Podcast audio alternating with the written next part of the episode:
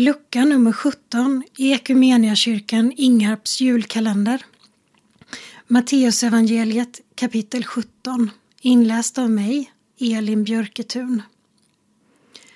Sex dagar senare tog Jesus med sig Petrus, Jakob och hans bror Johannes och gick med dem upp på ett högt berg där de var ensamma.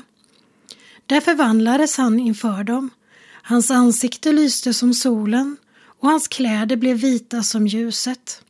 Och när de såg Mose och Elias stå och samtala med honom, då sa Petrus till Jesus Herre, det är bra att vi är med. Om du vill ska jag göra tre hyddor här, en för dig, en för Mose och en för Elia. Medan han ännu talade sänkte sig ett lysande moln över dem och ur molnet kom en röst som sa detta är min älskade son, han är min utvalde. Lyssna till honom. När lärjungarna hörde detta kastade de sig ner med ansiktet mot marken och greps av stor skräck. Jesus gick fram och rörde vid dem och sa Stig upp, var inte rädda. De lyfte blicken och då såg de ingen annan utom Jesus. När de gick ner från berget sa Jesus åt dem Berätta inte för någon om det ni har sett förrän Människosonen har uppstått ifrån de döda. Lärjungarna frågade honom Vad menar då de skriftlärda med att Elia först måste komma? Han svarade Visst ska Elia komma och återställa allt, men jag säger er att Elia redan har kommit och de kände inte igen honom utan gjorde med honom som de ville. Så ska de också låta Människosonen lida. Då förstod lärjungarna att han talade om Johannes döparen. När han var tillbaka bland folket kom en man fram och föll på knä för honom och sa Herre, förbarma dig över min son. Han är fallande sjuk och plågas svårt. Ibland ramlar han i elden och ibland i vattnet. Jag tog honom till dina lärjungar och de kunde inte bota honom. Jesus svarade Detta fördärvade släkte som inte vill tro. Hur länge måste jag vara kvar hos er? Hur länge måste jag stå ut med er? För hit honom till mig.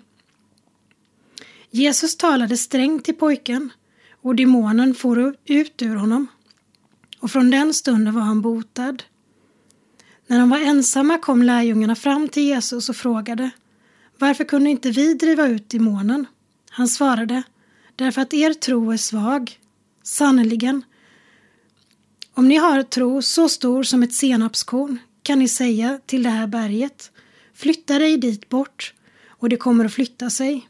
Ingenting blir omöjligt för er. När de samlades igen i Galileen sa Jesus till dem Människosonen ska överlämnas i människors händer och de kommer att döda honom och på tredje dagen ska han uppstå. Då blev de mycket bedrövade. När de hade återvänt till Kafarnaum kom, de, kom det som tog upp tempelskatten fram till Petrus och frågade Betalar inte er mästare någon tempelskatt? Jo, svarade han.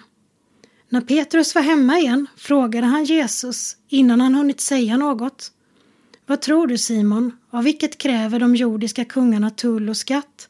Av sina söner eller av andra? Då Petrus svarade av andra sa Jesus Sönerna går alltså fria.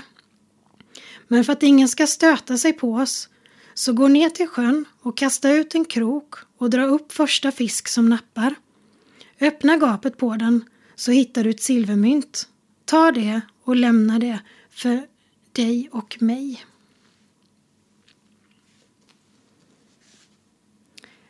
Käre far, till mig brukar du inte tala med lysande moln som till Petrus och de andra. Men du talar till mig i de vackra solnedgångarna när solen sjunker som en apelsin i havet och molntapparna glänser i rött och orange. I morgonrodnadens timme talar du genom det outsägligt mjuka gryningsljuset. Till mig brukar du inte tala i visioner av Mose och Elia, men det är din röst jag hör när rösterna höjs mot förtryck Och det är du som driver mig att själv tala när jag ser orättvisorna breda ut sig. Det är din röst jag hör i vår tids profeter som säger som det är och ser vart vi är på väg. Till mig talar du, Kristus, i gemenskapen runt delat vin och bröd, i det pärlande skrattet hos ett himmelrikes barn och du talar till mig i tron på din närvaro, också när min egen tro inte bär. Öppna mina sinnen så att jag allt klarare ser din gudomliga härlighet. Gör mig så jordnära att jag kan uppleva din närvaro i något så vardagligt som att baka en sockerkaka eller bygga en koja med barnen. Amen.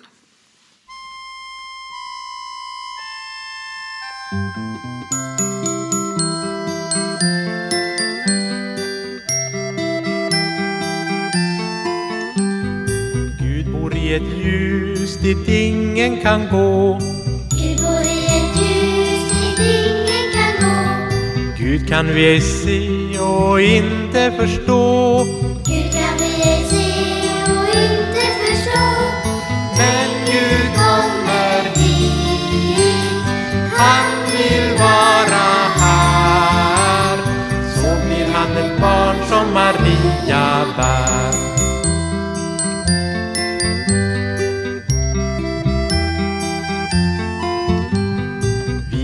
Tillber dig Gud, du är kung och stor. Vi tillber dig Gud, du är kung och stor. Fast du kommer hit som en liten bror.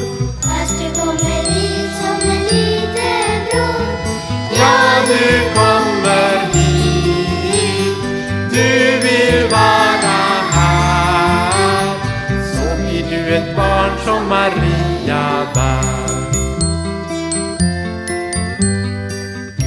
i ett ljus dit ingen kan gå.